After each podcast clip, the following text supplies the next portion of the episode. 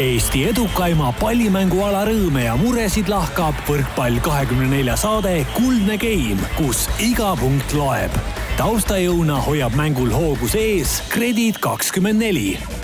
ja tere õhtust ka sporditoimetuse poolt alustame tänast saadet lühisõnumiga. Eesti rannavalepaar Rivo Vesik, Sten Esna on võitnud Pekingi olümpiamängudel kuldmedali. ühepoolses finaalis alistas Eesti duo Brasiilia esipaari Eduardo Rinaldo, Kudumirdo Ronaldo. mängu peakohtunikuna pigistas kõigi kahtlaste pallide ajal mõlemad silmad kinni Eestist pärit rahvusvahelise kategooria vilemees Uku Rummi. Vesik ja Esna naasevad koju tuleval esmaspäeval kell seitseteist kolmkümmend maanduva lennuga.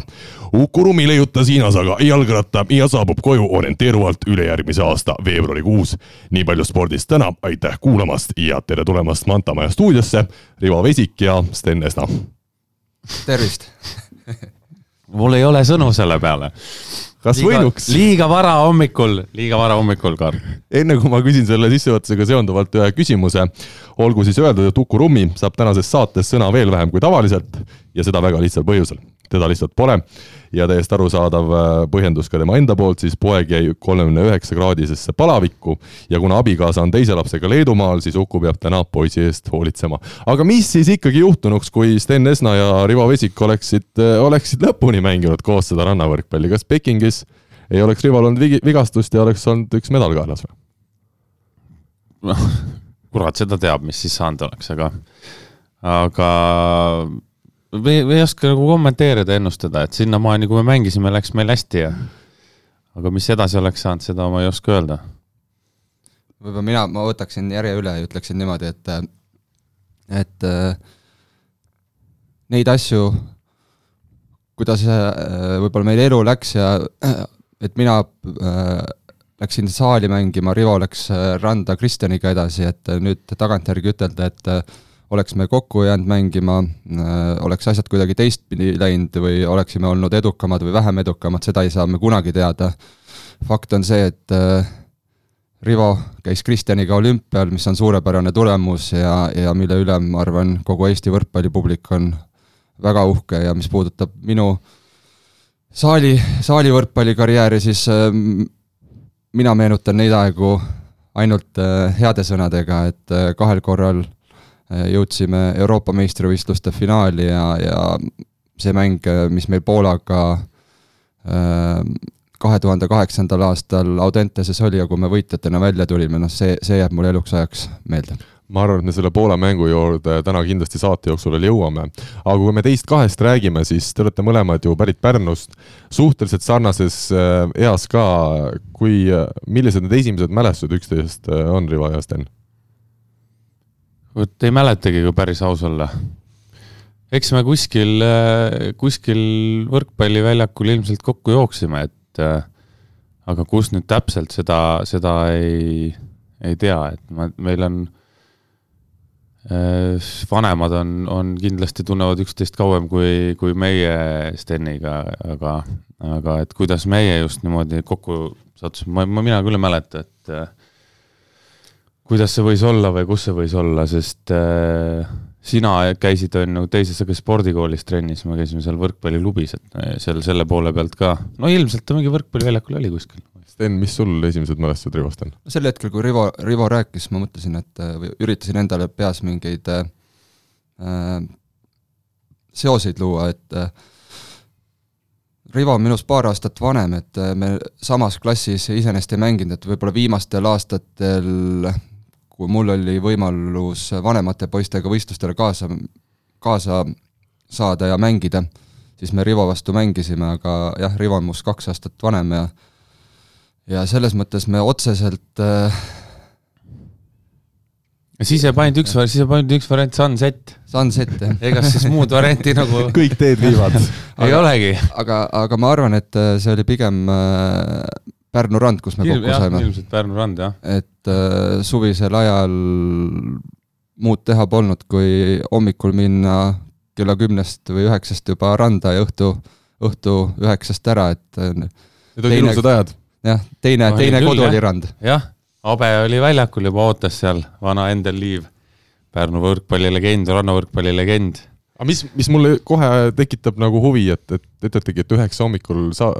randa ja, ja sama kell siis õhtul äh, tagasi koju, et et see oli vist üks väga hea viis, kuidas üks noor inimene sai areneda, et, et kui sa rannas terve päeva mängid võrkpalli, siis ilmselt ei, ei saa sinust väga halb võrkpallur kokkuvõttes tulla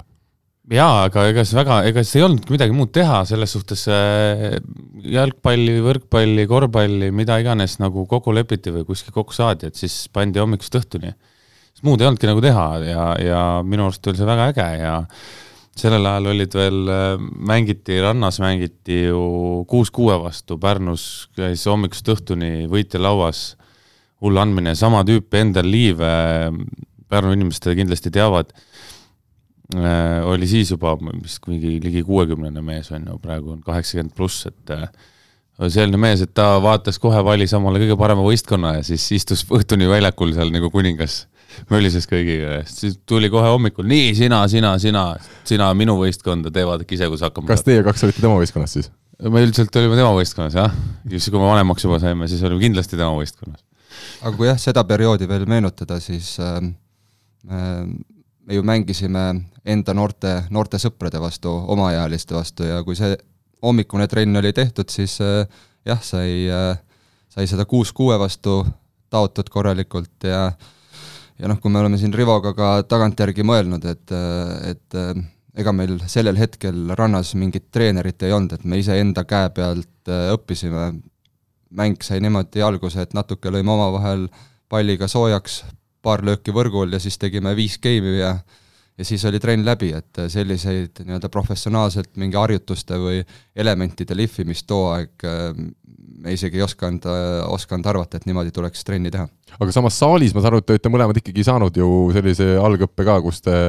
erinevad treenerid siis teid ikkagi õpetasid ka neid tehnilisi nüansse nagu selgeks? ikka, ikka jah, Pärnus on ju võrkpall kogu aeg kõva olnud ja mina, minu esimene treener oli oli küll väga lühikest aega Raul Reiter, siis tuli,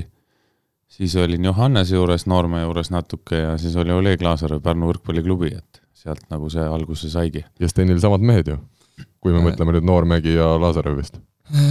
minu esimene treener oli jah, äh, Johannes Noormägi, et äh, ma ütlen suure tänu temale selle kasvatuse eest, mida ta võrkpalliväljakult äh, võrkpalliväljakul ja pärast mänge ja trenne meile kaasa andis, et need väärtused, mida tema oluliseks äh, pidas ja mis õpetussõnu ta meile jagas ja näiteid erinevatest eluvaldkondadest äh, toona tõid, tundusid sellel hetkel arusaamatud ja, ja ja tihtilugu meil need õhtused koosolekud äh, olid sellised tunniajased, kus ta rääkis äh,, tõmbas paralleeli võrkpalli ja balleti ja mis iganes eluvaldkondadega, aga ma ütlen, kui nüüd tagantjärgi meenutada ja noh, järjest enam tegelikult jõuab kohale, et miks ta, miks ta neid äh, asju rääkis, miks ta neid selgitas äh, ja ma ütlen veel kord, sugav, sugav, sügav kummardus äh, selle mehele no Ivo on öeldud, et tema noorena Pärnus tegeles ikkagi kõigega, mis, mis võimalik oli, alustades siis spordist ja, ja lõpetades muude tegevustega. kuidas sinul see oli, kas võrkpall oli sinu jaoks ikkagi üks ja ainus tegevus, mis köitis või oli muid spordialasid ja muid hobisid veel? ma olen tegelikult äh, väiksena, kuueaastaselt ma läksin tennisetrenni kuni neljateistaastaseni, sai seda ala päris korralikult tehtud, et äh, noorteklassides isegi tulin Mait, kas ei, oli Mait Künnap? Mait Künnap, jah. jah, Pärnu, Pärnu, Pärnus tulime hõbemedalile, noorteklassides võitsime lisaks äh, Eestis pronksmedali, kas see oli mingi U neliteist või kaksteist, ma täpselt ei mäletagi aga siis äh, jah, kuidagi teed viisid äh, võrkpalli, võrkpalli. oota, ma enne veel tulen tennise juurde tagasi, et nüüd ma saan aru, et miks Rait Rikberg on tänasel päeval tennisereketite keelestaja, et ilmselt koondises oligi nii, et, et sina olid väljakul, eks ole, ja siis andsid nendele nooremale mehele ka mingit tööd ja kuigi ta vist palju noorem sinust tegelikult ei ole, see on sama, sama vanus, et kui ma ei eksi, kas kuus või seitse päeva peaks olema Rait minust noorem. no ikkagi siis selgelt, siis, siis selgelt. poisike. meil on Mart ja Kusti käinud siin äh, rannavõrkpallurid, kellel üks päev vahet ja oli ka selgelt vanem mees on ikkagi sõna peal, aga, aga jah, jätka seda võrkpalli juurde jõudmist. Äh, jah, siis äh, mul isa on pikalt mänginud noorte, noorteklassis ja ka hiljem võrkpalli ja siis tema, tema käe kõrval ma teesaali leidsin ja toona ma mäletan eredalt, kuidas Andrei Ojamets äh, oli veel ise mängiv treener ja ja bravuuri täis äh, Pärnu kutse, kutse keskkooli saalis nõudis, nõudis ennast platsile, et et need vahetas iseennast sisse. et ja kuidagi, kuidagi niimoodi jah, võrkpalli juurde ma tee leidsin ja paralleelselt käisin aasta aega nii tennises kui ka võrkpallis, aga siis jah, sai otsus tehtud võrkpalli kasuks ja, ja seda ma ei kahetse. aga kes, kumb võidaks, kas sina või Rait, kui te tennist mängiks praegu? sest Rait on ka üsna kibe käsi selles, nagu ma olen aru saanud. no see, parem selgitatakse ikkagi väljaku peal. no siis tuleb ära teha teeme ära. tuleb ära teha. kui, kui Sten on nõus, ma arvan, et Raido taha küll siin ei jää miskit. mine sa tea, see on nii vana mees juba ja vigane ka, et jaa, aga Stenist ja Steni võrkpalliteest äh, rääkides, äh, tänasel päeval meil on selline positsioon nagu libero. kuidas oli tol hetkel, kui sina mängima hakkasid, siis vist veel liberot ei olnud? või? ei, ei olnud jah, et kui ma õigesti mäletan, siis äh, antud positsioon loodi kas tuhat üheksasada üheksakümmend kaheksa, üheksakümmend seitse, midagi, ma arvan, seal, sinna, sealkandis. Peale olümpiat jah, peale seda Atlanta olümpiat vist nad hakkasid testima ja, ja siis paar aastat hiljem tuli. et äh, minu, tagantjärgi mõeldes ma arvan, et see on, äh, andis mulle suurepärase võimaluse professionaalse võrkpallurina seda teed jätkata, e-, jah? teed jätkata ja elu, elu professionaalse sportlase silmade läbi näha, et äh, ma julgen, julgen väita praegu, et äh, ilma selle positsioonita ma kindlasti nii kaugele äh, poleks jõudnud. aga mäletad sa seda hetke, kui ütleme, tuligi siis see uudis, et on libero positsioon ja hakati seda treeningul siis katsetama, Rivo, küsimus sulle samamoodi, et et mina olen nii noor mees, et minu jaoks on ta nii-öelda kogu aeg olemas olnud, aga ma kujutan ette, kui suur muudatus see oli, äkitselt sul on väljakul teise särgiga mees, kellel on täiesti teised ülesanded isegi, ma isegi nagu mäletan häguselt seda, kui see tuli, et noh, nagu kõikide muutustega ikka, siis algul oli ikka, et oh, mingi jama ja mis kuradi mõttetu värk on ju. korraks proovivad ja? jah, jah, jah, kusjuures oligi nii seesama mõte, et korraks proovivad ja ju see ikka ei tule ja, ja nii edasi, nii edasi, aga, aga väga hea selles suhtes, selles suhtes väga hea, et ta tuli, et äh, ongi noh, ma arvan, et tänaseks paljud mängijad ei mängiks võrkpalli enam, eriti just lühemad mängijad, mitte nüüd, et oleks lühemad mängijad halvemad. aga, aga see positsioon nagu lõi ühe võimaluse juurde just tehniliselt osavamatele mängijatele, et. ja tegi mängu huvitavamaks. tegi mängu huvitavamaks jah, sest ma arvan, et kui täna on seal need esimese tempo mehed oleksid vastuvõtul, siis need pekstakse lihtsalt palliga minema sealt, sealt, seal ei oleks nagu varianti, et oleks üks auk väljakul, keda siis peab lappima ja katma ja peitma, et et see libero positsioon äh, kindlasti aitab mängu nagu mängulisemaks ja vaatemängulisemaks teha asja. aga siin ongi võimalus teilt kohe küsida, kui tänasel päeval ei oleks liberot ja meil oleks nii võimas mäng, nagu ta täna on, eks ole, ähm, milline mängija siis selle nii-öelda teise tempo koha peal tegutseda võiks, mis see nii-öelda ideaalne variant oleks, juhul kui liberot ei oleks? milline omadustelt see mängija peaks olema? ma ise, no kui ma meenutan veel äh, seda aega, kui mina sain võimaluse äh, meestega treenima hakata, siis äh, too hetkel oli Läti, lätlasest mängumees Vilde, kes on ka olümpiavõitja meie, meie kõrval ja tema tegemisi toona sai vaadatud alt üles, et mismoodi see, see oma asju ja mängu, mängukogemusi ja mängu, mängu loeb ja asjadest aru saab, et ma mäletan seda, et tema näiteks võttis väga, väga hästi servi vastu ja ma arvan, et pigem ongi küsimus selle, et praegusel hetkel on toimunud võrkpallis spetsialiseerumine, kus siis äh, need esimese tempo ründajad äh, trennis harjutavadki vähem vastuvõttu, et noh,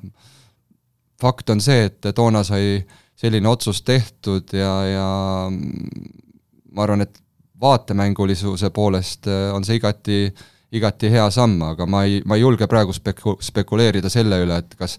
kas, kuidas nad hakkama saaksid, kindlasti asi on harjutamise, harjutamise taga ja kui seda positsiooni poleks olnud, siis ma usun, et äh, oleks asjad teistpidi, aga ma ei usu, et see võrkpall oleks äh, igavam, kui ta praegu oleks. see, selles suhtes ma arvan, et äh, mängijad areneksid koos mänguga kaasa, aga, aga noh, ma ei oska kommenteerida, kui hästi nüüd äh, mingid suured mehed seal selle servi kätte saaksid. sest äh, kui sa, Sten, räägid Vildest, on ju, siis temal ajal ja siis, kui tema veel Pärnus mängis, siis see serv oli, olgem ausad, et servi tase oli ikka teine, et äh, et tänaseks on see serv läinud palju kõvemaks ja, ja, ja kiiremaks ja ka planeerivad servid tulevad juba sellised, et kui meie ajal seal üks, mis meie Valgevene poiss oli meil seal, kes läks, pani jala vastu rabahalli seina ja sealt lõi planeerivat servi hirmsa kaarega üle, on ju, et et tänapäeval ilmselt selliseid serve võetakse jalaga vastu või, või midagi, et, et see servi tase on lihtsalt nii palju muutunud, et, et ei saa öelda nüüd, et kas, kas tänapäeval Vilde saaks selle servi kätte või saaks, on ju, et siis ta oli tõesti hea. aga kuidas ta täna on ja kuidas oleks need esimese tempo mängijad siis arenenud koos selle mänguga kaasa, et äh, ei, ei saagi nagu kommenteerida seda aga Sten, sina olid libero siis mingist hetkest alates, kui see positsioon tuli, mis sa enne väljakul tegid? noorteklassides ma arvan, ma mängisin erinevaid positsioone, et alates sidemängijast ja nurgaründajast ja, ja ja ma arvan, et noorteklassi, klassides see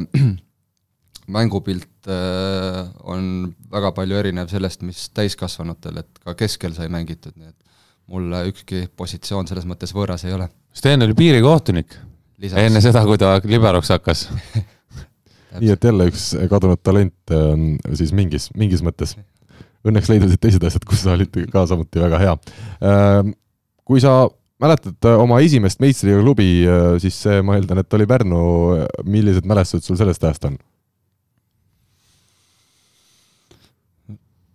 no esiteks ma olen tänulik, et Andrei Ojamets mind äh, kutsus Pärnu meeskonna juurde ja ma sain võimaluse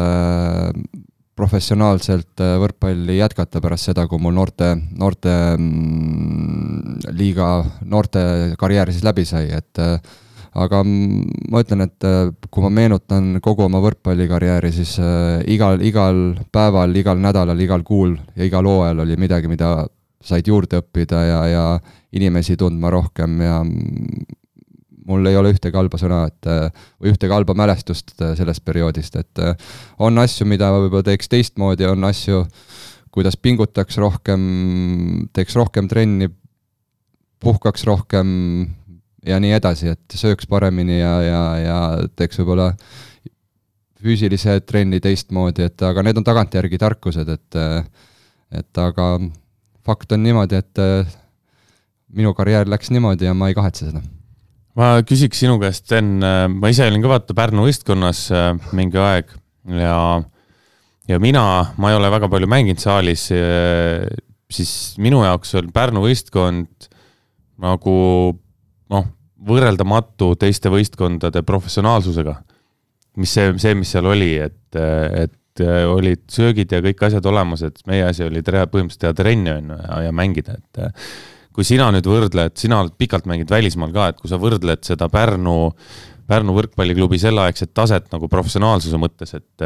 et kas, kas annab võrrelda Euroopa tippklubidega ja, ja kui, kui suur see vahe on, kui üldse on? no kahjuks äh, päris Euroopa tippklubidega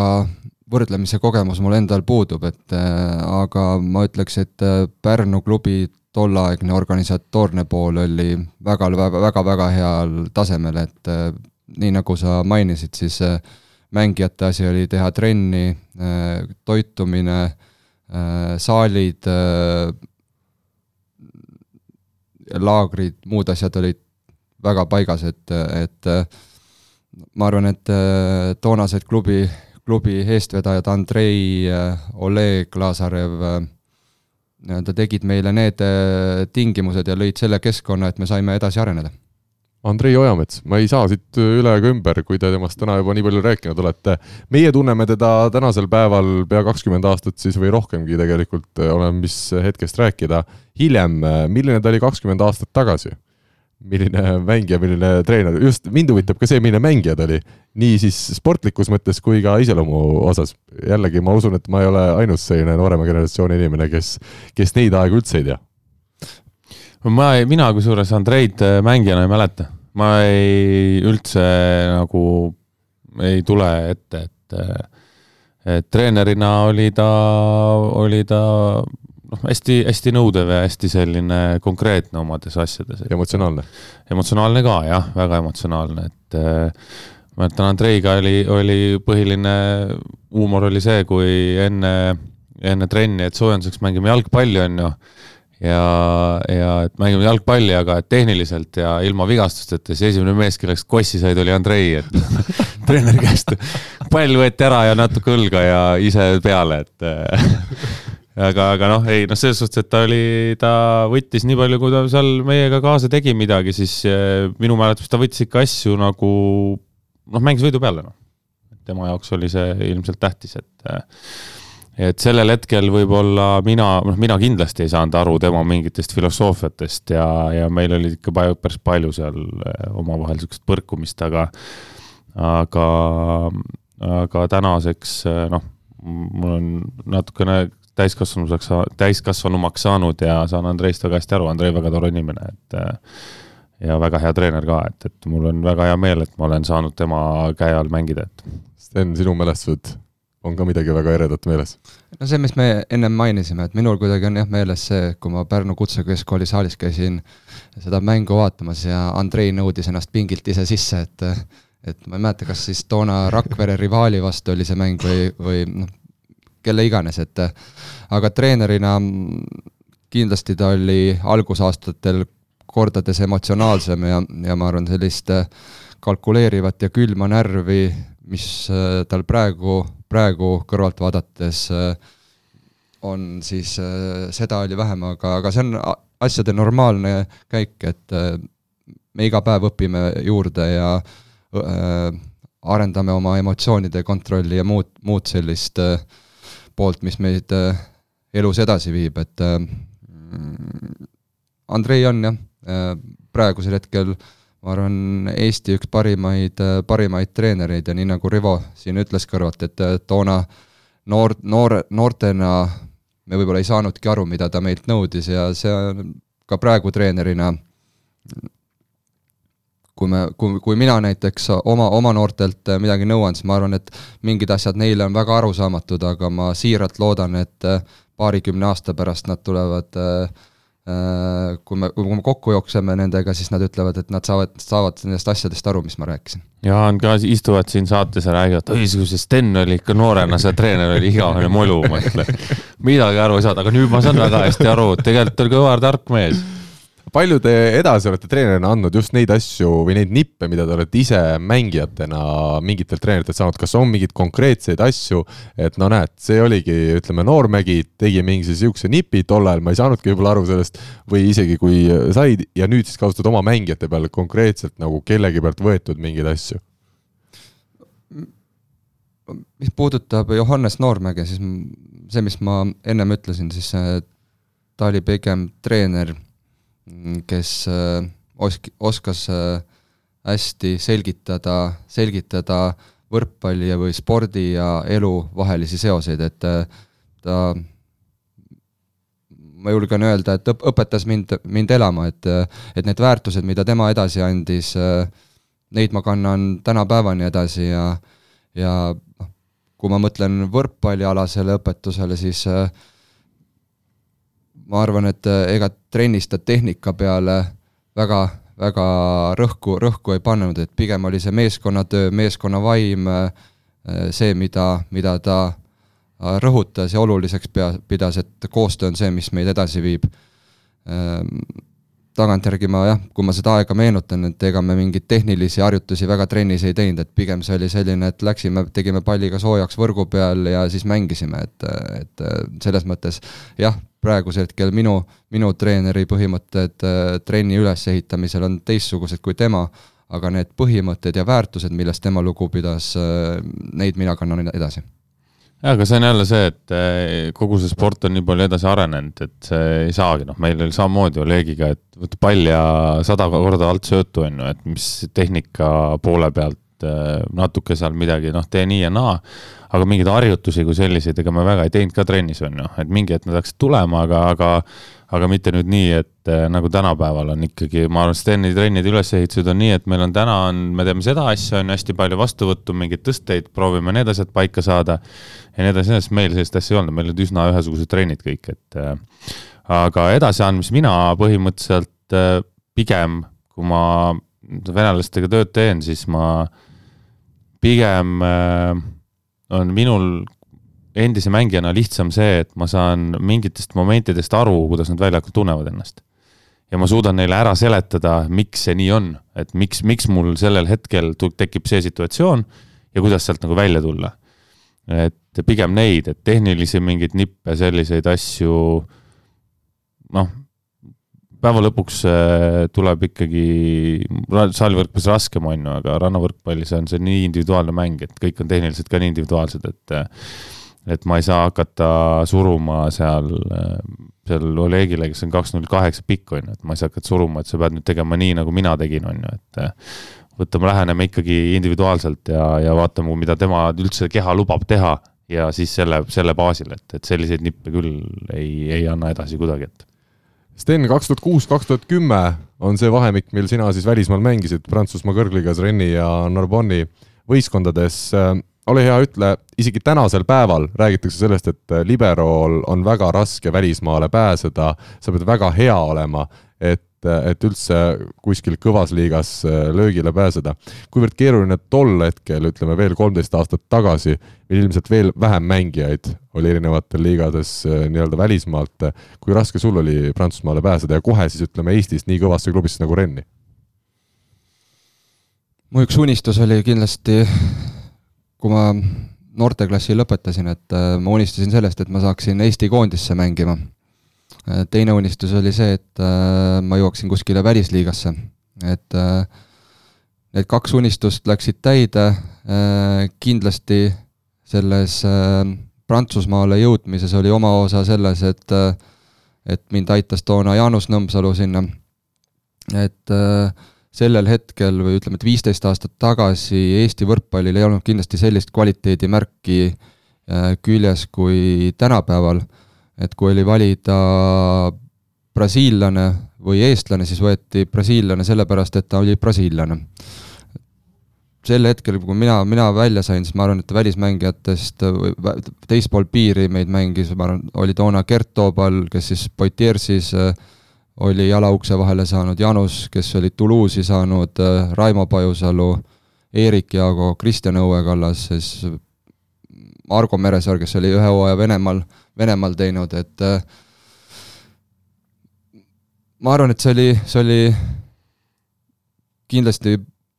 õnne, asjade kokkulangemise teema, et ma Renni sattusin, äh, aga ma olen ise väga uhke selle üle, et äh, mul õnnestus, õnnestus seal neli, neli hooaega vastu pidada, et, et kõik need aastad äh, tegelikult oli niimoodi, et äh, mul ei olnud ju pikka lepingut, et need olid äh, üks pluss üks pluss üks, et iga aasta sai uuendatud neid, et et see kogemus mängijana, see, see näha, kuidas siis sellel hetkel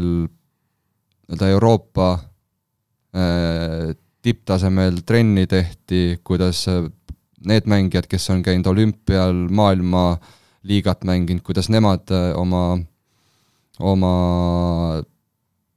treening, treeningul, kuidas nad pingutavad, kuidas nad äh, mänguväliselt käituvad, et jah, nendel, nendel on kindlasti suur roll selles, äh, milliseks mängijaks ma kujunesin. No mina kahe tuhande kuuendal aastal ilmselt ei osanud Sten Esna, ma küll kindlasti suure spordisõbrana väga hästi teadsin, kellega on tegu, aga ei osanud tema tugevusi hinnata, et minul võib-olla tol hetkel oli rohkem teada, milline, mis juhtus MacGyveri seal seitsmekümne kolmandas osas või, või A-rühmas äh, kaheksakümne neljandas osas. kõik. no vot, te jõudsite, eks ole, seda ka veel jälgida, aga minul ilmselt ma Steni tugevustest nii teadlik ei olnud, Rivo, sina kindlasti mäletad paremini teda kaasmängijana ja, ja kõrvaltjälgijana ja sõbrana. Äh, mis siis Stenist hea mängija tegi kahe tuhande kuuendal aastal, et, et Renni-sugune klubi ta lõpuks ära võttis ja kolmeks aastaks enda juurde jättis? Äh, töökus ja kindlasti noh, kogu see mängu lugemine ja, ja no pea ka noh, et äh, Sten on psühholoogiliselt nii tugev, et ta lihtsalt ei, ongi raske nagu murda, et kui osad mehed suudad ära servida lihtsalt, siis Steni ei suuda, et äh, ei noh, minu jaoks oli ta selles suhtes nagu loomulik asjade käik, et äh, et kuhugi ta, kuhugile Sten kindlasti oleks läinud, see, et ta sinna Prantsusmaal sai, oli väga hea. Äh, ma arvan, et oleks, äh, et oleks ka pikemaks jäänud, kui, kui oleks ise tahtnud, et, et selles suhtes. oli nii, Sten? jah äh,, sa mõtled, et äh, kas ma oleks jäänud pikemaks, jah, et äh, sellel olid omad põhjused, miks ma tagasi tulin, et äh, toona pere, pere hakkas laienema ja, ja, ja eks elus on need kohti, kus tuleb teha otsuseid, et kas minna, jääda üksinda, üksinda välismaale või siis olla pere kõrval ja näha seda, kuidas lapsed üles kasvavad, et jah, asjad toona niimoodi läksid, et et ja mul on hea, hea meel selles, selle üle, et, et nii nagu ma ütlesin, et need unistused, millest ma, mida ma soovisin, soovisin saavutada, sai täidetud. jaa, sama, sama asi on ju, et äh, mingi hetk tuleb lihtsalt see samm ära teha, kunagi sa ütlesid ise ka, et siis, kui sa äh, lõpetasid üldse mängimise ära Eestis, siis ma mäletan, et me istusime ja rääkisime ja siis noh, Sten ütles ka, et väga õige lause, et ükskord tuleb niikuinii see otsus teha et täna on asjad nii, täna läksid asjad nii ja ma, mina tegin selle otsuse ära, varem või hiljem see tuleb niikuinii, on ju. ja noh, ma arvan, et see oli ka sellele antud hetkel õige otsus. Noh. aga Steni, mul üks, Stenil on üks väga naljakas lugu rääkida muide, ma tean seda lugu. väga hea. kas äh, lugu, mis äh, me, mille põhiosaks on äh, mänguvorm, kui sa mäletad, me käisime vaata Rennis külas sul paar korda ja sa. Steni nägu on selline, et veel ei mäleta, aga nüüdist, nüüdist tuli meelde. rääkisid loo, kuidas sa läksid esimesele kodumängule ja ei pannud aluspesu alla pükstele. jah, jah, jah, jah, jah, jah, nüüd tuleb meelde. ja ma ei mäleta, noh, minu, minu mäletamiste järgi oli see nii, et, ähm, et äh, Sten äh, vist oli ilmselt harjunud, et spordipükstel on seal mingisugused asjad nagu all, on ju ja aga nende siis vormil ei olnud ja oli valge vorm. ja siis põhimõtteliselt Sten Esna oma esimese kodumängu, oli esimene kodumäng või? ma ütleme täpselt, täpselt ei, ei mäleta jah, aga, aga kodumängu ütleme nii, et kes äh, oli siis äh, ütleme niimoodi, et ega mehe ilu ei ole häbeneda. ei ole jah, ja, ja otsatribüüni inimesed nägid rohkem kui ainult võrkpalli aga võib-olla sellepärast ta jäigi kolmeks aastaks sinna. ilmselt küll, see, vot selle mehe peab jätma, see on, see on hea mees. publiku magnet. publikusaali nii, aga mulle vahepeal ma tahtsin märkida, et äh, siin saates jällegi meil on kogu pere saade ja ikkagi üritame laiemalt harida ja minu arust väga ilus lause oli, et pere laienes, et seda ma ei ole veel pere äh, pere suhtes kuulnud sellist väljendit, et pere laienes, öeldakse ettevõte laieneb või mingid asjad, aga teadmised laienevad, aga, aga pere võib ka laieneda, väga, väga ilusti öeldud jah, aitäh kaks tuhat üksteist sa oma karjääri lõpetasid, tegelikult äh, mul oli plaanis sellest natuke hiljem rääkida, kuna juba jututeema sinna läks, sa olid siis vist kolmekümne ühe aastane. tõesti vara lõpetamiseks, kas see põhjus siis oligi puhtalt pere ja, ja selline ka ütleme, finantspool või kõik see kokku, et, et sa nägid, et sa peaks astuma ka nii-öelda tööturule juba sellises eas, et mitte liiga hilja peale jääda või mis need peamised tegurid olid? no need, mis sa tegelikult välja tõid, et jah, et siin on äh, mitmed äh, tegurid, et üks on see, et toona, kui Prantsusmaalt sai tagasi tuldud, siis äh, viimase hooaja mängisin TTÜ võrkpalliklubis äh, ja see, mis äh, Rivogi siin välja tõi, et noh, varem või hiljem selle otsuse, lõpetamise otsuse peab, peab tegema ja ennast nii-öelda siis oma palgaraha kuidagi teistmoodi välja teenima, et normaalset elu hakkama elama nagu öeldakse, et millal sa normaalsele tööle lähed? Rivo veel ootab seda aega. et ta, et noh, mis puudutab äh, neid Prantsusmaa aastaid, siis äh, nende aastatega sai kindlasti pandud, äh, pandud midagi endale kõrvale, et see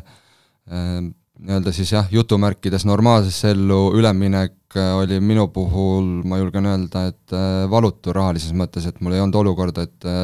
et kui ma kuu-kahe või kolme pärast peaksin hambad varna riputama, et, et nende aastatega kindlasti sai teenitud, teenitud äh, sellist nii-öelda elluastumise kapitali. ja jah, et äh, varem või hiljem see otsus pidi tehtama ja mina tegin selle siis, äh, kui just täpne olla, siis kui ma olin veel kakskümmend üheksa, et just kolmkümmend saamas no sinu jaoks ka see võrkpall, ma saan ikkagi aru, on ju südamelähedane olnud algusest peale ja on tänaseni seda, just seda silmas pidades ma mõtlen, kuivõrd keeruline see otsus oli, et, et ma eeldan, et sa kolmekümne ühe aastaselt tundsid veel, et sul oleks ka spordis olnud palju anda ja, ja sa nautisid seda tegemist? jah, nautisin, et äh, ma, ma arvan, et ma, kui ma ütlen, et äh, ma armastasin võrkpalli ja siiamaale armastan seda mängu, et äh, see on meeskonna, meeskonnamäng ja, ja nende aastatega see sõprus, sõprusringkond, mis nii välismaal kui Eestis äh, mängijate näol on saavutatud või, on tekkinud, noh, see on see, mille üle ma siiralt rõõmu tunnen ja, ja head meelt teeb no Rivo, ma arvan, et sina ka tead, nagu minagi, tegeliku põhjuse, miks, miks Sten ja Asko, mõlemad vennad siis liberod, ära lõpetasid selle karjääri suhteliselt varakult. tead ju? Äh, jaa. et Rait Rikberg saaks ka ikkagi koondises natuke mängida ja. liiga hea südamega. jaa, see jaa, võib-olla küll, jaa. aga kui me räägime sinust ja vennast Askost, äh, milline see teie omavaheline konkurents äh, oli just koondises kaks väga head liberot, äh, korraga on väljakul üks. kuidas teil see jaotus oli ja, ja kuidas siis üks, üksteisega läbi saite? kindlasti saite hästi läbi, ma selles ei kahtle, aga.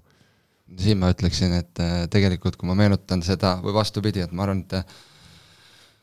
et Need olid, äh, ma arvan, et keeruli-, keerulised ajad, ma mõtlen vendade, vendade suhte vaates, et ähm,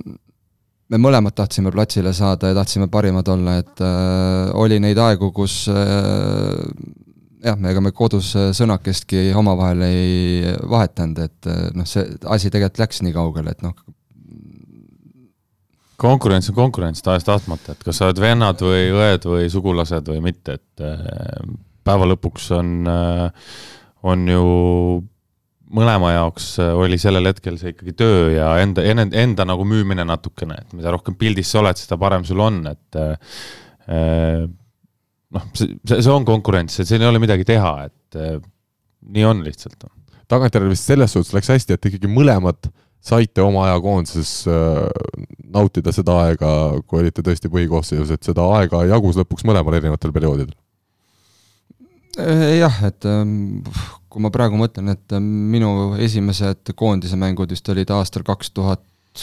kolm või kaks tuhat kaks, ma täpselt äh, ei oska ütelda, et äh, siis see koondises oldud periood oli ligemale kümme aastat, kus sai oldud, et et on, on, mida meenutada ja nii mängulises kui ka mänguvälises mõttes, et, et ma ütlen, et neid neid emotsioone, mis selle aja jooksul äh, sai kogetud, need on niisugused, mida, mida keegi sult ära ei saa võtta ja nende, neid on hea, hea siiamaale, kui me nende mängijatega, kellega me neid äh, kogesime, on hea meenutada. üks huvitav seik, jaa, kuule juba ära. Äh, Steni veel korraks, ma ei tea, kas sul oli see kirjas või tahtsite rääkida sellest, aga, aga üks põhjuseid, miks Sten tuli Prantsusmaalt ära, nii palju kui mina tean on ju, esiteks oli pere ja teiseks oli selline džentelmen nagu Ženja Grebenikov. jaa, see oli mu järgmine teema, mida ma just tahtsin alustada. ma arvasin,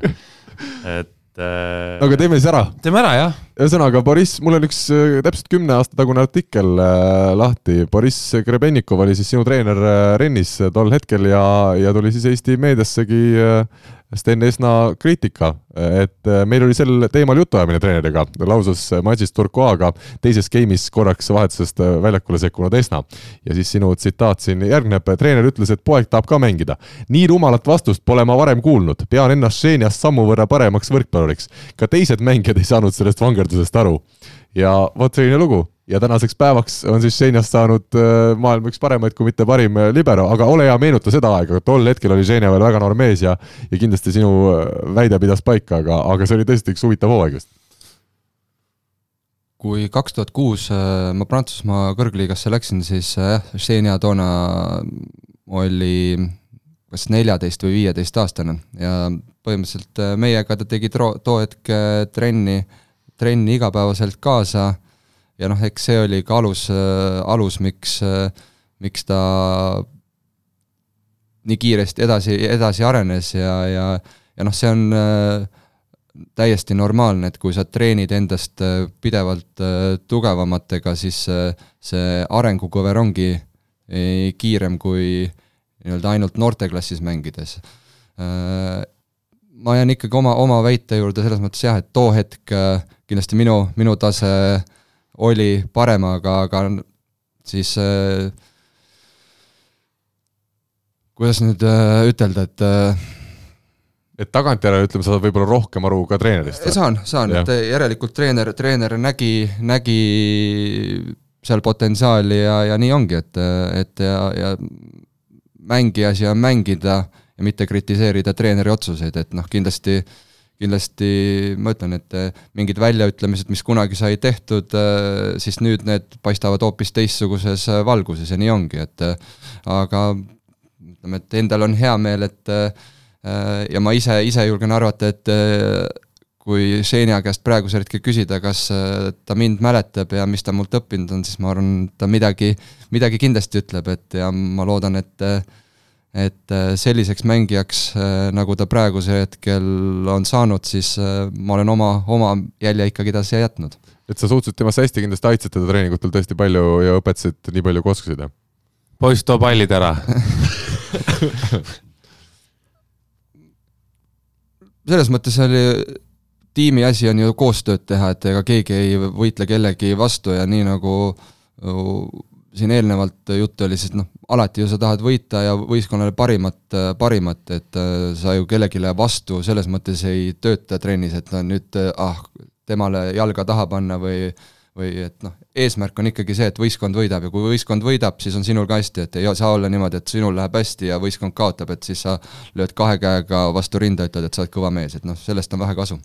Aga siin on, minu küsimus on ikkagi see, et kas, kui ei oleks olnud äh Ženja Grebenikovi isa treener. kas siis ta oleks ka mängitatud? kas siis ta oleks mängitatud ja kas siis oleks samamoodi tehtud, et, ähm, et äh, noh, kas, kas tõesti, ka siin ilmselgelt nagu isa tegi pojast sportlase, on ju, kui ta nii varakult võttis, tal oli see võimalus, võttis ta suure võistkonda juurde. et kui, kui Ženja Grebenikovi isa oleks olnud äh, kes iganes, raamatupidaja kuskil et kas siis täna oleks Šeina Grebenikov see, kes ta on või, või oleks, noh, see areng oleks kindlasti aeglasem olnud, kui ta oleks oma seal U kuusteist võistlusi mänginud, on ju. et äh, minu, minu silmis või minu peas on nagu see, et inimesel oli väga hea võimalus ja ta kasutas selle ideaalselt ära täpselt nii, nagu peab, võib-olla ta sellel hetkel ise väga ei tahtnud või tahtis, keegi ei tea, on ju, noor poiss. aga tänaseks äh, ma arvan, et tal on väga hea meel, et nii tehti ja nii läks. veel äh, selle nii-öelda esimese saateosa lõpetuseks äh, võtame päris lähiminevikku, eelmine aasta ma tahtsin küll küsida Steni käest, et palju sa võrkpalli mängid ja millises vormis sa oled, aga ma arvan, et seesama eelmise aasta tulemus näitas natukene ära. Pärnumaa meistrivõistluste teine etapp, Rivo Vesik, Sten Esna. mitte mingit varianti ei olnud teistel. ja te võitsite finaalis Keit Pupartit, Silver Maari, tegelikult te võitsite selle etapi jooksul vist kahel korral Pupartit ja Maari. nii et see ei olnud ka juhus. järelikult noh, ma sain vastuse nagu kätte ilma, ilma küsimata, et, et mehed on heas vormis siiani no siin on võib kahte asja vaadata, et äh, no ütleme, et me andsime neile võimaluse vigade parandust teha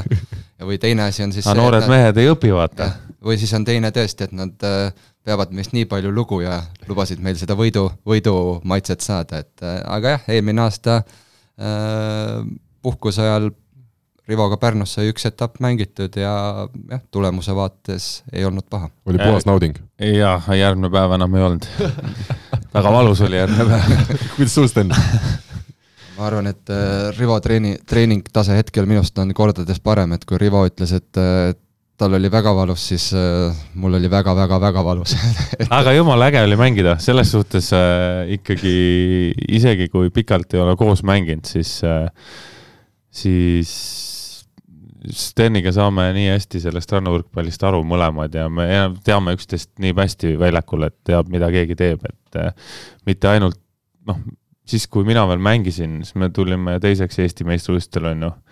Nii et Sten ei olnud vist äkki kolm aastat võrkpalli mänginud või? Midagi sellist. ja nüüd siis ka, ma saan aru, et ta ei mängi igapäevaselt? nüüd me, nüüd me ei mängi kumbki igapäevaselt, et siis mina veel vähemalt midagi tegin, on ju, aga, aga Saaremaal Eesti meistrivõistlustel äh, mõne mehe jaoks ilmselt rikkusime turniiri ära, et need medalivõimalused, mis neil olid, võtsime käest ära, et finaalis küll Karli ja, ja Rain Raua vastu enam ei saanud, aga, aga selles suhtes nagu tulemus oli väga okei okay.. ja nüüd väga napilt, eile väga napilt läks äh, Äh, kuna homme on turniir Aven Kakumäel ja otsisin endale paarilist, küsisin Steni käest ka niimoodi naljaga pooleks, aga Sten jäi natuke pikalt mõtlema ja, ja leidsin endale Rasmus Meiuse homseks mängimiseks juba, et äh, aga õhtul Sten kirjutas, noh, teeme homme ära või?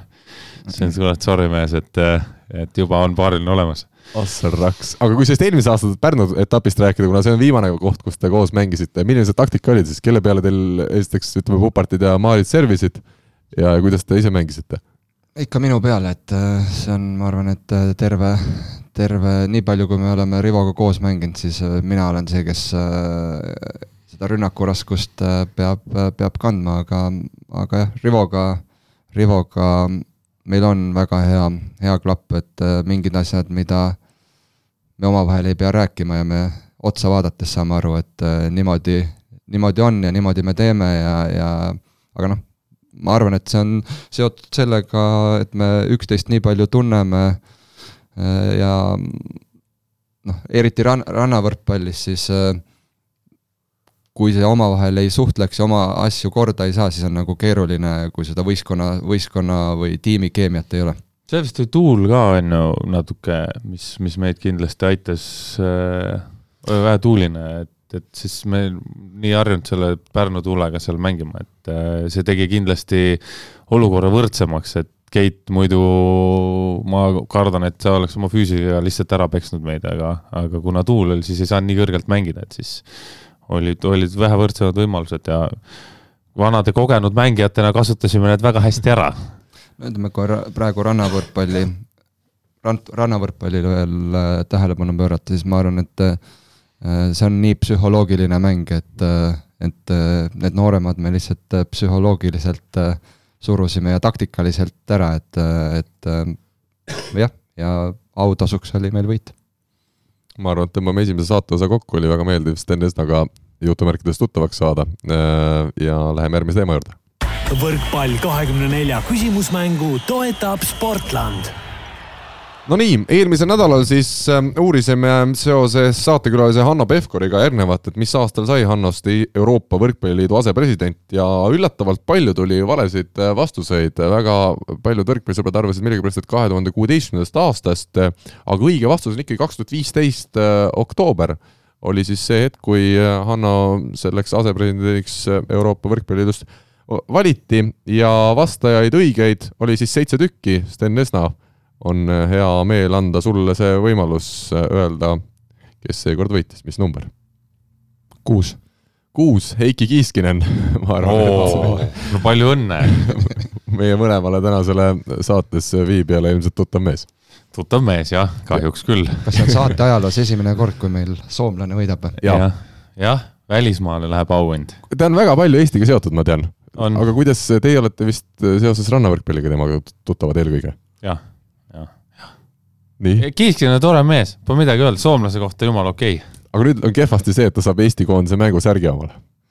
No üks Eesti fänn juures, nii et positiivne. ma arvan ka, ta on äh, niigi suur Eesti fänn ja, ja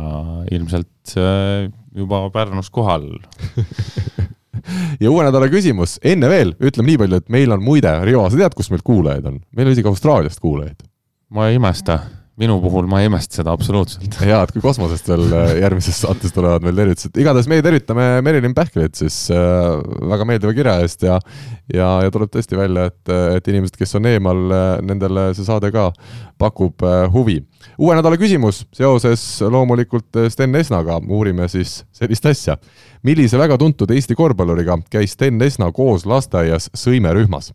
Mõned head aastad pärast sõime lõpetamisest, lõpetamist on nad koos mänginud ka rannavolle etapil Pärnus nimega Kabli kapp, mis õnnestus Esnal ja nimetatud korvpalluril suisa võita. nii et äh, selline küsimus, Sten, lood sa või plaanid sa midagi siin lisada veel või, või on vist piisavalt juba öeldud kõike?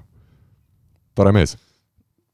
las, las nuputavad, las, las nuputavad. jah, see on väga, see on muidu väga hea küsimus on ja vastused saab siis saata jätkuvalt info et võrkpall24.ee või siis võrkpall24.ee Facebooki lehe sõnumitesse ja võitjale paneb Sportland taas kord välja ametliku Eesti koondise mängusärgi. Läheme järgmise teema juurde. ma panen, ma annan ühe, ma annan ühe vihje, ühe vihje, et natukene kergemaks, see on nii raske. tegemist ei ole Rait Käbiniga ma ütlesin ka ju, et millise väga tuntud Eesti korvpalluriga. tegemist ei ole Rait, õigus jah, Rait ei ole tuntud, vabandust palun vabandust. väga hea. ja lähme järgmise teema juurde Rait kaotaks ära palli enne servimist Pahv lööb pahviks ehk nädala tegija möödunud nädala, nädala tegijat siis äh, otsisime jätkuvalt äh, võrkpalligrupp Facebookis on see koht, kus äh, igaüks äh, hääletada saab. kolmas koht, Eesti rannavalle naiskond, kuusteist häält meie rannavalle naised siis esimese etapi olümpiamängude kvalifikatsiooniturniirilt läbisid edukalt noh, tõele au andes ei olnud ka kõige tugevamad vastased seekord, Taani ja, ja Iirimaa olid need, keda me siis alistasime, aga, aga sellegipoolest tubli tulemus ja teine voor siis või teine ring on ees ootamas ja Rivo, sina tead nüüd paremini, Kustjan Õlvak, Mart Tiisaar, Mihkel Tanila, Dmitri Korotkov, nemad alustavad siis kas kohe sealt teisest ringist? teisest ringist, jah. ja millised on nüüd šansid sealt teisest ringist edasi pääseda? väga head, ma arvan, nende jaoks on väga head, Mart ja Kusti mängivad hästi ja Dima Mihkel on niisugune hea nagu tugivõistkond, et nad oma võidu võtavad sealt kindlasti ära, mis, mis on vajalik, et ja sealt edasipääsemiseks on väga head võimalused ja tü-, naised ka väga tublid, väga tublid, ikkagi Eurovisioonil me ei suutnud Iirimaad ja Taanit võita,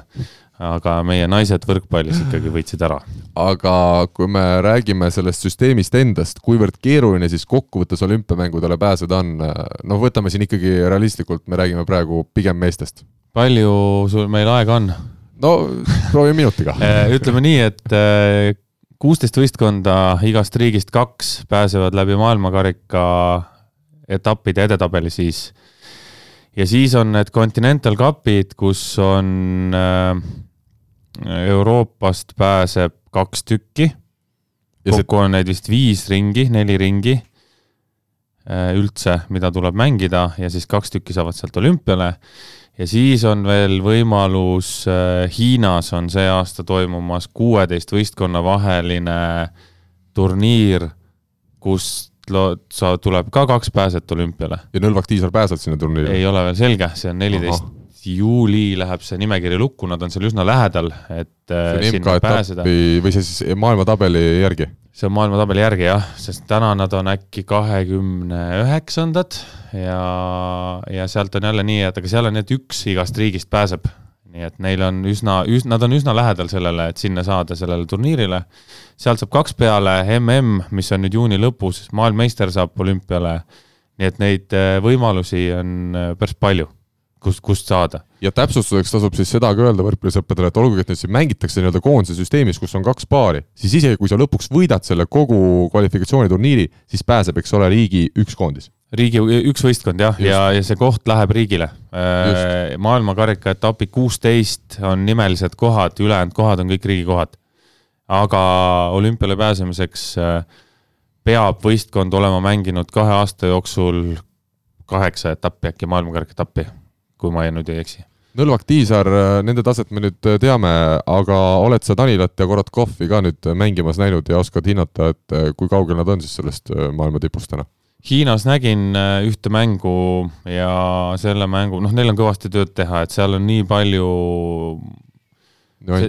jah, nad ei, nad täna nad ei saa veel päris hästi sellest rannavõrkpallist aru, et samamoodi nagu Mart ja Kusti kaks aastat tagasi, nad ei saanudki aru, mis nad tegid väljakul, siis äh, Dima ja Mihkuga on, on sama asi, noh, nad natukene jagavad paremini, sest Dima on, äh, on pikalt mänginud ja oma vanuse kohta, et äh, on ta pikalt mänginud ja, ja ta on väga hea rannavõrkpallur, on ju, Mihkel samamoodi, et ta saab mingitest asjadest aru, aga tööd on kõvasti veel, et ma nüüd peale seda Hiinat ei ole neid näinud, aga, aga seal mina nägin väga palju asju, mida võiks muuta ja mida võiks parandada, et. aga kui keeruline ja pikk see tee, ütleme, on, sa ütled, sa siis ütled sedasi, et kui nad keskenduksidki nüüd näiteks aasta või kaks rannavõrkpallile, siis oleks täiesti võimalik, et ka nemad kerkiksid Tiisaare nõllakuga, ütleme, sarnasele tasemele? jah, kindlasti jah, ma, see ei ole üldse välistatud, et nad mõlemad,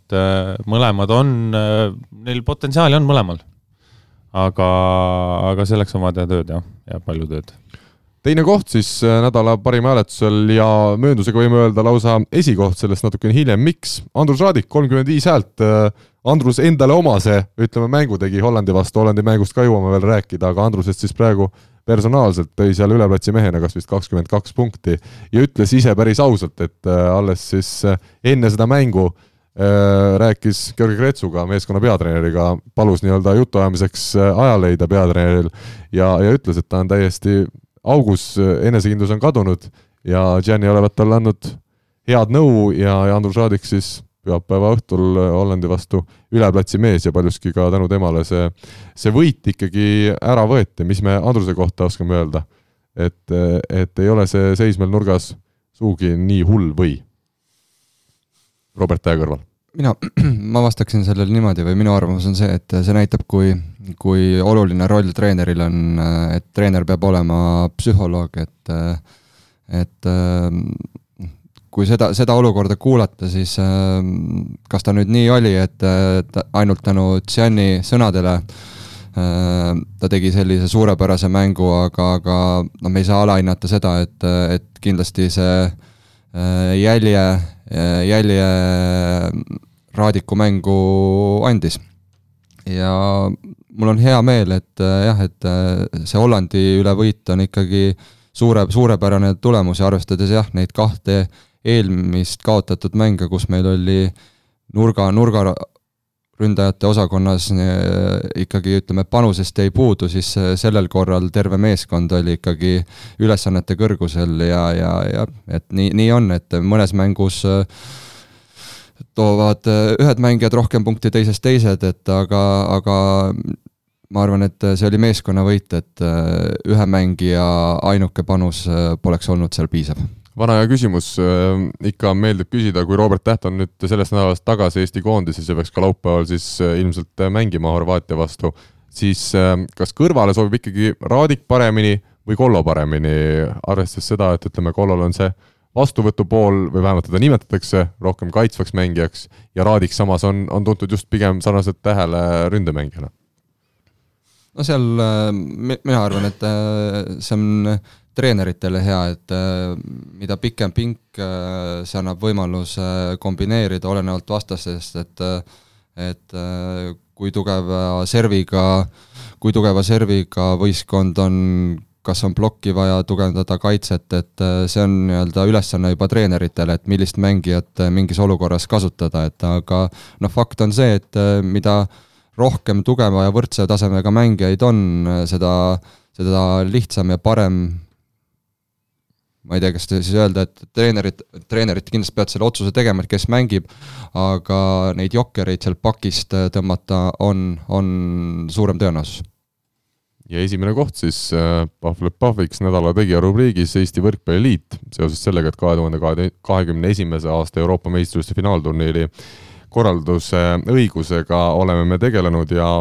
Hanno Pevkuri, Eesti Võrkpalliliidu presidendi hinnangul on ka väga lähedal äh, oleme väga lähedal sellele, et see turniiri korraldamine meile antakse, juhul kui ka riik leiab, et see vajalik on, siin konkurents korvpalluritega käib, aga, aga tõele au andes jah,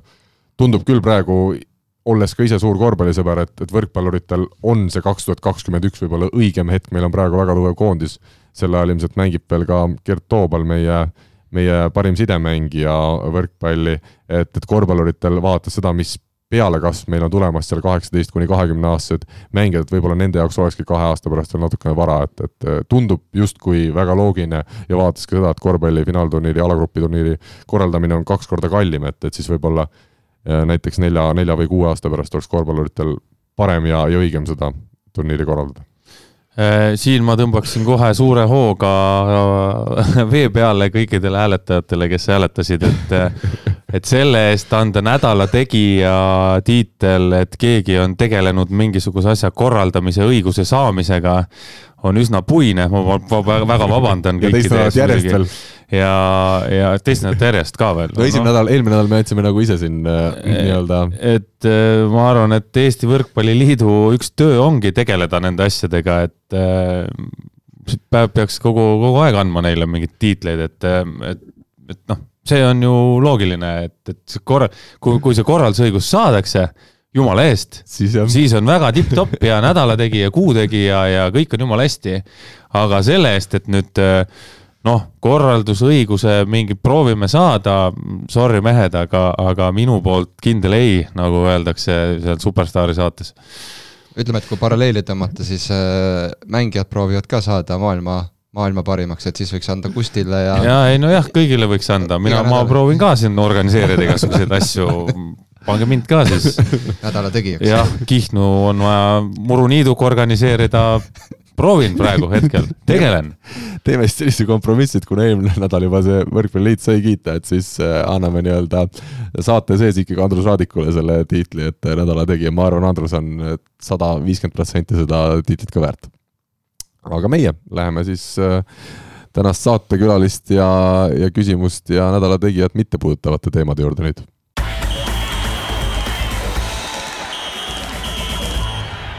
Eesti koondised siis pidasid äh, möödunud nädalavahetusel esimesed kodumängud Euroopa kuld- ja hõbeliigas äh, ja oli üks äärmiselt põnev päev, nii nagu eeldada võis. naiste mängu äh, Sloveenia käis vaatamas umbes kaheksasada pealtvaatajat, mis arvestas ikkagi seda, et Eestis ei ole see naiste sport nüüd üleliia tugev või, või ütleme, populaarne, siis naiste pallimängukoondis kaheksasada pealtvaatajat, see on päris kõva saavutus ise, ise juba ja null kolm kaotus küll Sloveenidele, aga Eesti naiskond tegelikult noh, peab ikkagi või mina vähemalt äh, suudan siin näha palju positiivset, et me mängisime hästi ja eesotsas siis Kristel Mooriga, meie uue põhidiagonaaliga pärast Kertu Laagi vigastada saamist on väga hästi tulnud koondisse sisse, teinud mängu mitmekülgseks ja, ja rünnanud kõrgelt ja tugevalt ja minu arust see on küll üks asi, mida võiks siin naiste puhul kindlasti välja tuua.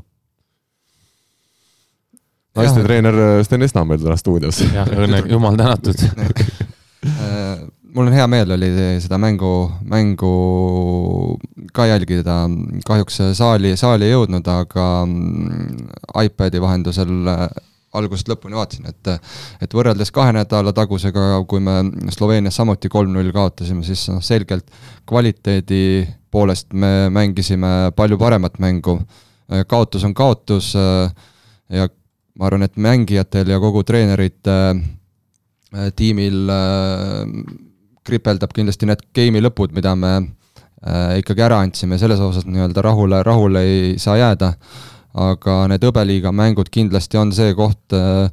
äh, kus kogemusi, kogemusi saadakse ja, ja noh, treenides, treenides äh,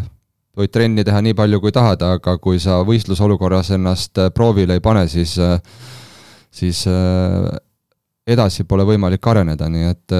mina isiklikult loodan, et need järgmised mängud Portugali ja Kreeka vastu äh, me suudame võitjatena välja tulla ja neid positiivseid võidu e-, ja kogemusi ka sealt saada, et äh,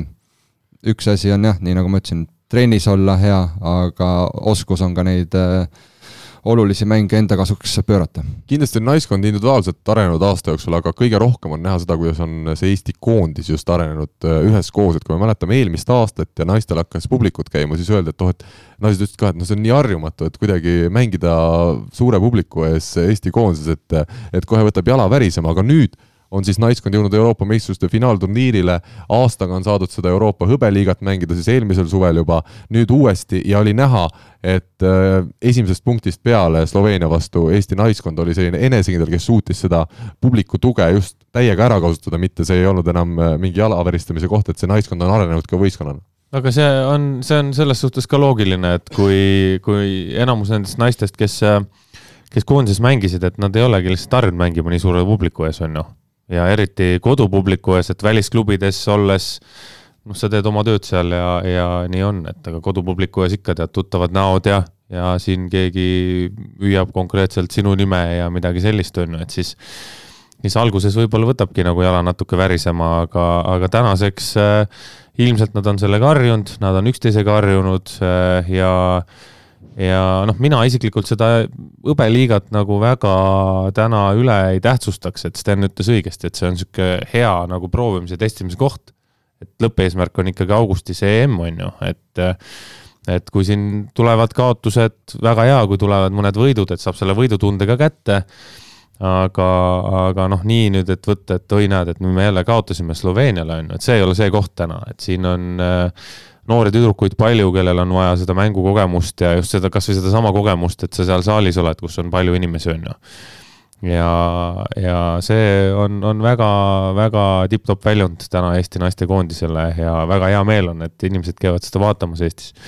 et järgmised kodumängud siis äh, äkki saab tuhat ja pealegi inimesi kokku, et minge kõik vaatama. ja tore on vaadata ka seda, et kui üldiselt sellised äh, väiksemad riigid hiilgavad sellise kaitsega või, või hea, hea just võitlusega, mitte et meie ei võitleks või ei kaitseks, aga tore on näha, et meil on sellised mängijad nagu Nete Peit, Kristiine Miilen, seesama Kristel Moor, kes hiilgavad sellega, et neil on võimas rünnak, et pigem oli just see, kus me lõpuks seal game'i lõpus lagunesime, oli servi vastuvõtt, mida ei saanud äh, kohati üldse kätte, et aga rünnak on, on võimas. Mina lisaksin võib-olla enda mõtteid siia, et äh, ma arvan, et äh,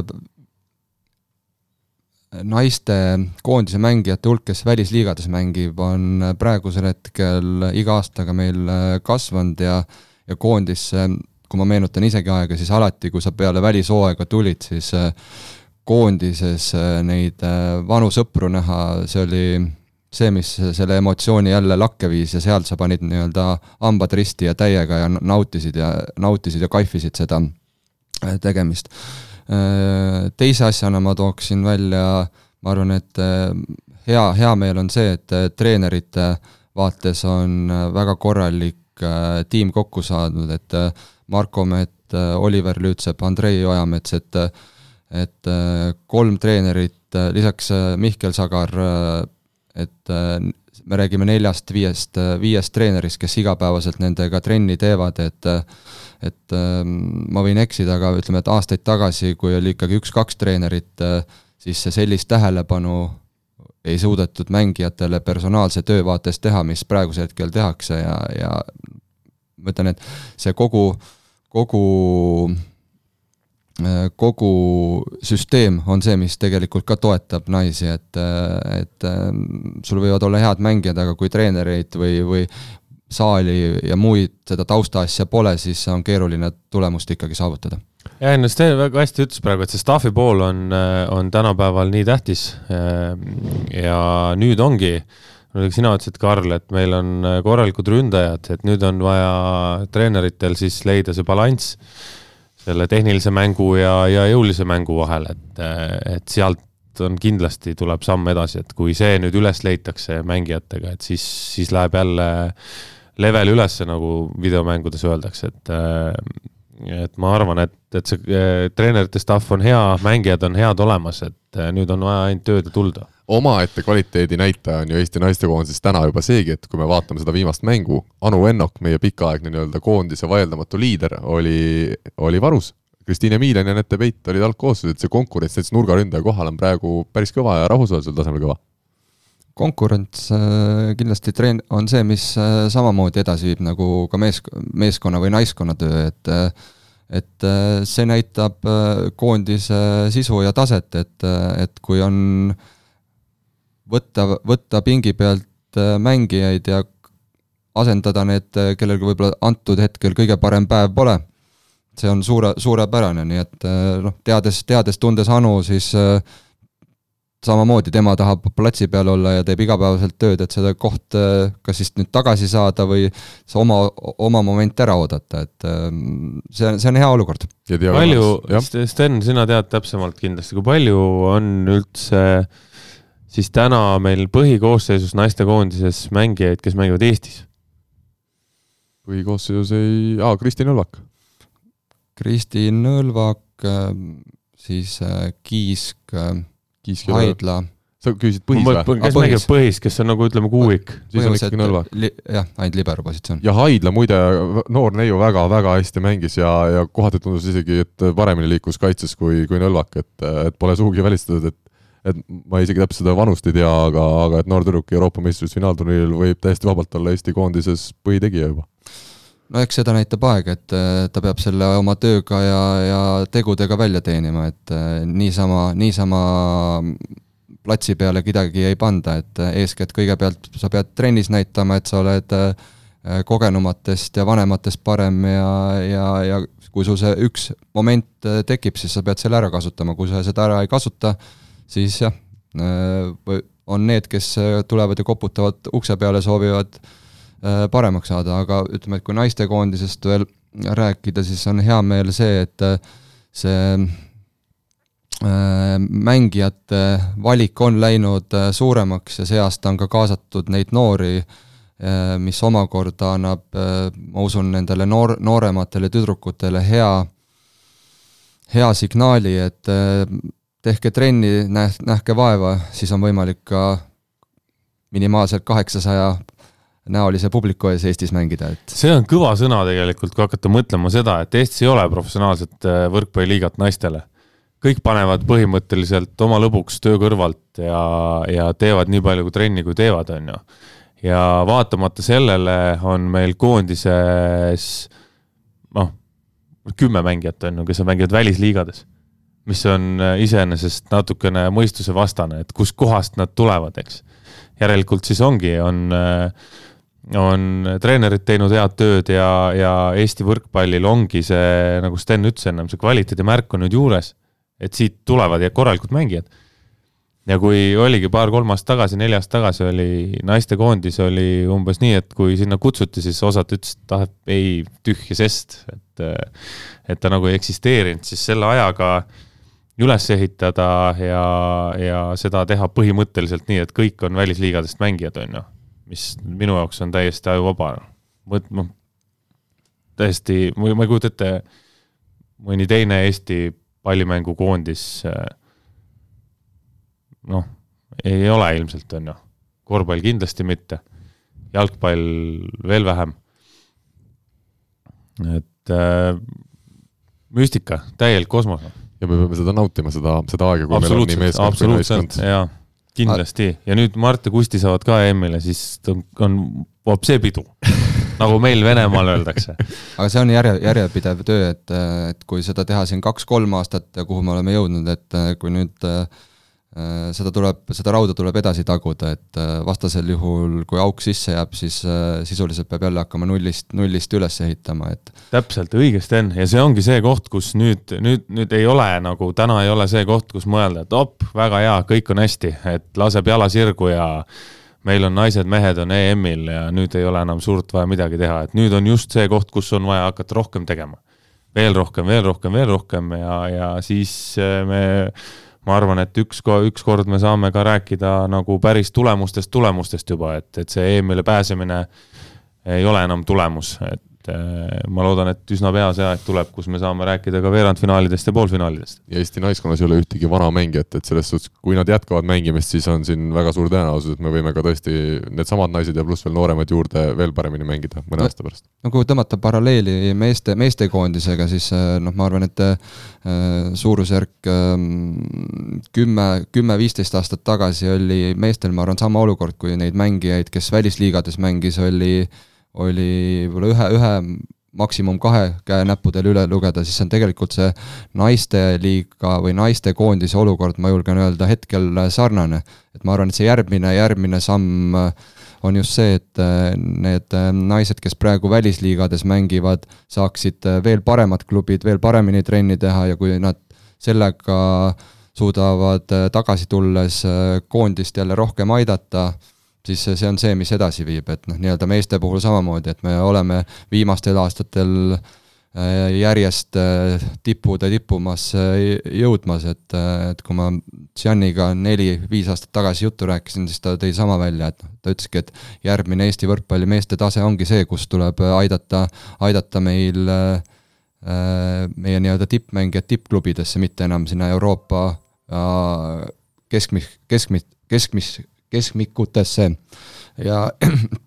ja mis puudutab naiste, naistekoondist veel korra, siis ma äh, seda köögipoolt ise näinuna ütlen, et äh, praegu noorteklassides on peale kasvamas äh, kihv, kihvtisid tüdrukuid, kellel on potentsiaali kindlasti lähiaastatel koondise piirile või sinna uksele koputada, et olukord on minu, minu jaoks lubav ja meie viimane teema võiks siis olla täna meestekoondis ja enne veel, kui sellest Hollandi mängust äh, räägime, siis äh, Gert Toobal nelikümmend ja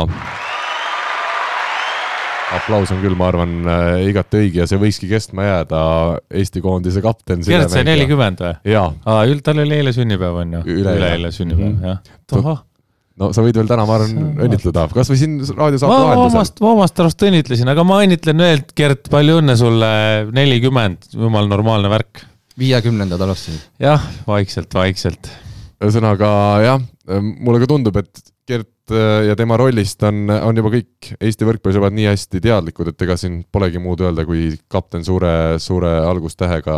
mees, kelleta Eesti võrkpall oleks viimasel kümnendil olnud kindlasti väga teistsugune ja ja inimene, kes ka sobib seda ala nii-öelda persoonina vedama mitte ainult äh, väljakul, vaid, vaid ka selle kõrval. jumal normaalne tüüp ka kusjuures selle kõige juures, väga okei okay inimene.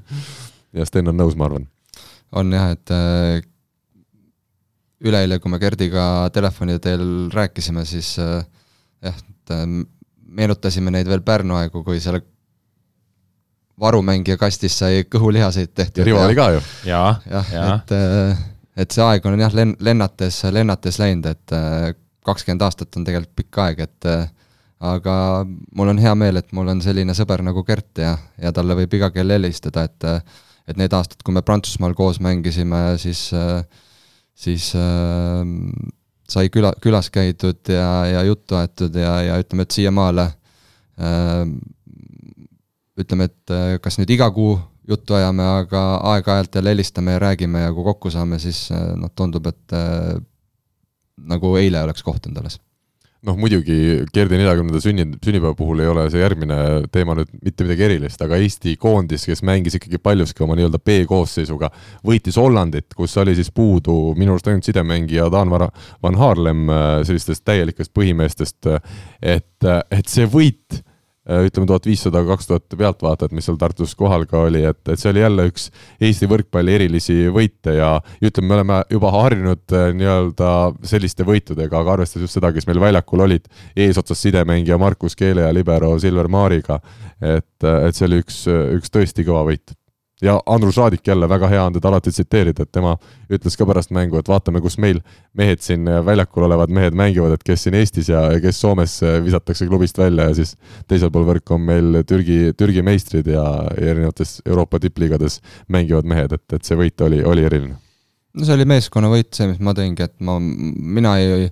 ei tooks välja konkreetselt ühe, ühe mängija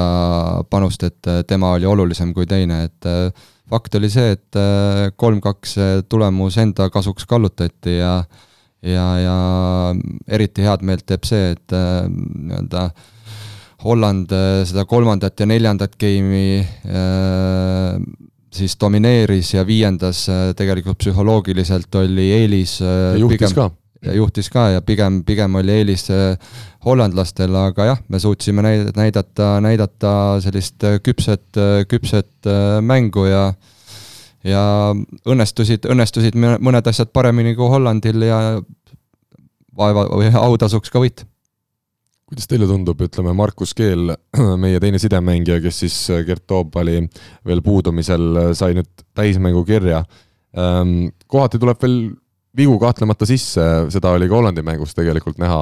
aga, aga milline see üldhinnang on, et, et kui hea Markus Kell tänasel päeval sidemängijana on? ma arvan, et Markus, see, et ta sellel aastal Välisliigas sai karastada ennast, see on temast teinud kindlasti inimesena hoopis teistsuguse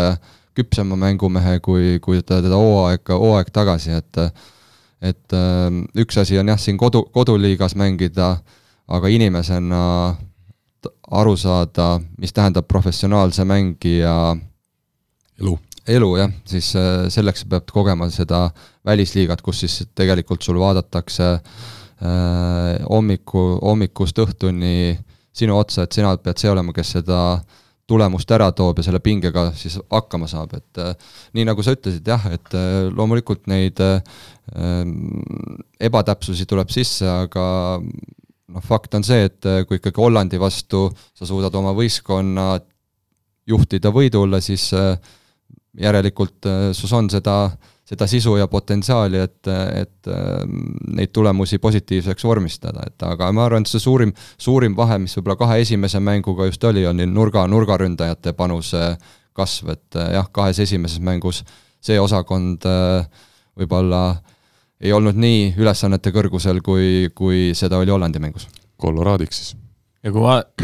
vaadata nagu äh, Markuse poole pealt just äh,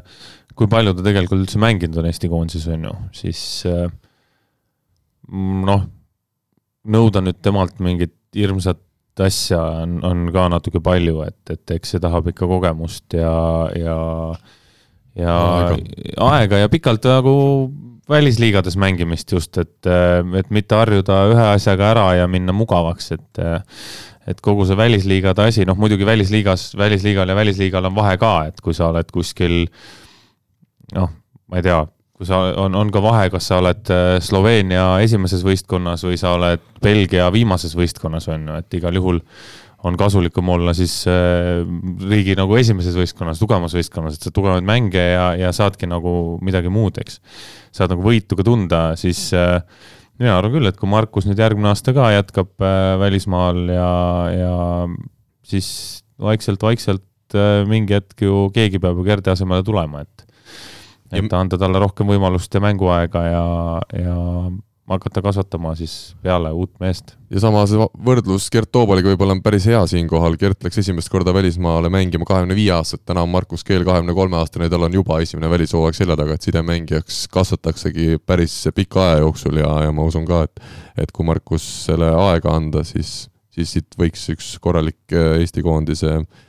põhimees veel tulla. mis oli vahe Gerdi ja Markusega, oli see, et Gert oli Pärnus ja nagu me rääkisime ka, siis Pärnu selle aja professionaalsuse tase ja Gert sai tegelikult, äh, ta sai üsna vähe kuigi mängida, on ju, sest Aavo oli seal ees. aga euromänge ja asju oli väga palju ja oli ka see meistrite liigad ja kõik asjad, kus sa, kus ta sai ikkagi mingisugust välis, välist nagu kogemust Tunnetust, juba sai, on ju et Pärnuga praegu Markusel eelmised aastad kahjuks need euroliigad läksid nii nagu läksid, et selle koha pealt on nagu vahe sees. Aga nüüd siis äh, Eesti meestekoondisel kuus põhimeest tagasi, ütleme need nimed ka ära, Gert Toobal, äh, Robert Täht, äh, Oliver Venno, Rene Teppan, Rait Rikberg. Ja kas nüüd keegi jäi ütlemata? Vist sai Ardo Kreek. Ardo Kreek, oh sa jestas, õnneks ta on saates juba käinud, nii et äh, ei ole siin, isegi kui ei andesta, siis pole väga hullu. ja tea, kas, tea, kas saabki enam põhikuuikusse jah, ja siia saatesse samamoodi, aga kui põhikuuikusse ei saa, siis siia me ei kutsu selliseid mehi, kes, varumehi me siia ei kutsu. ja välja on siis tänaseks Eesti koondisest langenud, noh, langenud pole võib-olla õige sõna, aga juba Euroopa kuldliiga algust siis Mihkel Varblane ja Renet Vanker jäid eh, nii-öelda nendest mängudest eemale. Ja nüüd siis, kui kuus meest on tagasi, siis sellest, selleks laupäevaseks Horvaatia mänguks on eh, nii-öelda suvepuhkusele saadetud ka Kevin Saar, Stefan Kaibald, Mart Naaber ja Märt Tammearu Tammearu jaoks loomulikult puhkuseks nimetada ei saa, läks otse saalist randa ja Timo Lõhmusega siis valmistumas nii U kakskümmend kui U kakskümmend kaks Euroopa meistrivõistluste finaalturniiriks siis äh, rannavõrkpallis. Ja, ja põhiküsimus on nüüd see, milline on Rene Teppani õlg tänasel päeval, selg enam äh, valu ei pidavat äh, tegema, aga, aga õlaga on nii kehvasti, et, et lüüa hetkel ei lasegi, et ilmselt Renele antakse siin veel natukene rohkem puhkusi, samamoodi Robert Täht, temal siis see jalavigastus, mis siin hooaja teises pooles välja lõi, on küll taandunud, aga samuti treenerid ütlesid, et, et Robbie puhul võetakse natukene rahulikumalt kogu seda treeningprotsessi. kas nad mängivad Eestis? kus nad mängivad? Tartu on see koht, vaata Rivo mis ei kellast? Ma saan aru, et sinu jaoks ongi Pärnu. mis aga, kellast aga...? Sindi, Sindi on ka Story, Sindi ja Pärnu on Eesti kell kaheksa mängivad õhtul. ai, ai, väga hilja, jah. sul on juba uneaeg või Sunseti aeg ei ole, jaa, see on diskoaeg tuleb peale. mul lihtsalt pühapäeval lend jälle, et, et ma olen Tartu kandis eh, ilmselt reedel, et siis võib-olla isegi satub saali. Nonii, meil on ühesõnaga Viibega on nii mõnusad need sinuga need saated, et, tihti, kui, kui midagi, me anname sõna sulle siin saates, siis me käime poistega koos, võtame kohvi ja, ja räägime juttu, loeme ajalehti ja siis, kui me teame, et siin paari minuti pärast sa ka kuuled lõpuks, mis me sulle ütlesime, siis oleme juba selleks ajaks tagasi. mul on väga-väga hea meel, et järgmine nädal ma olen jälle välismaal kõik inimesed saavad ära arvata, kuhu ma lähen see võiks olla sihuke, jaa, see on sihuke boonusküsimus, et kui te ka selle pakute ära,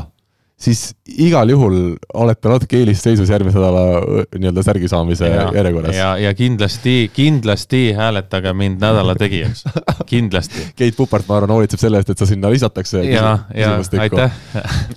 ja, ja lõpetuseks siis ütleme nii palju ka veel, et meeste kuldliiga finaalturniir ju toimub Tallinnas siin äh, enne jaanipäeva ja A-alagrupist on edasi pääsemas tänase seisuga Türgi, nendel üheksa punkti, Lätil neli punkti teisena. Valgevene on edasi pääsemas C-alagrupist, neil üheksa punkti, Tšehhil teisena viis punkti ja meie B-alagrupist siis äh, Hispaania hetkel liider seitsme punktiga, aga siin on kõik veel lahtine. kolm mängu ju mängida ja Holland viie punktiga teine nii et saab olema huvitav näha, kes meile sinna finaalturniirile kaaslasteks tulevad mul oli väga hea meel, et meil oli täna stuudios külas selline mees nagu Sten Esna ja Rivo, sind oli ka tore tagasi näha. jaa, sind on ka tore näha üle pika aja. ja nüüd jälle pikka aega ei näe, ma arvan, see on ka tore. jah, see on väga tore, ei lähe liiga tihedaks. nii et täname kõiki kuulajaid, Kuldne Game uuesti eetris juba nädala pärast, aitäh ja ilusat päeva jätku! head aega! nägemist, parimat! Eesti kõige põnevamad podcastid on Delfis, kuula tasku.delfi.ee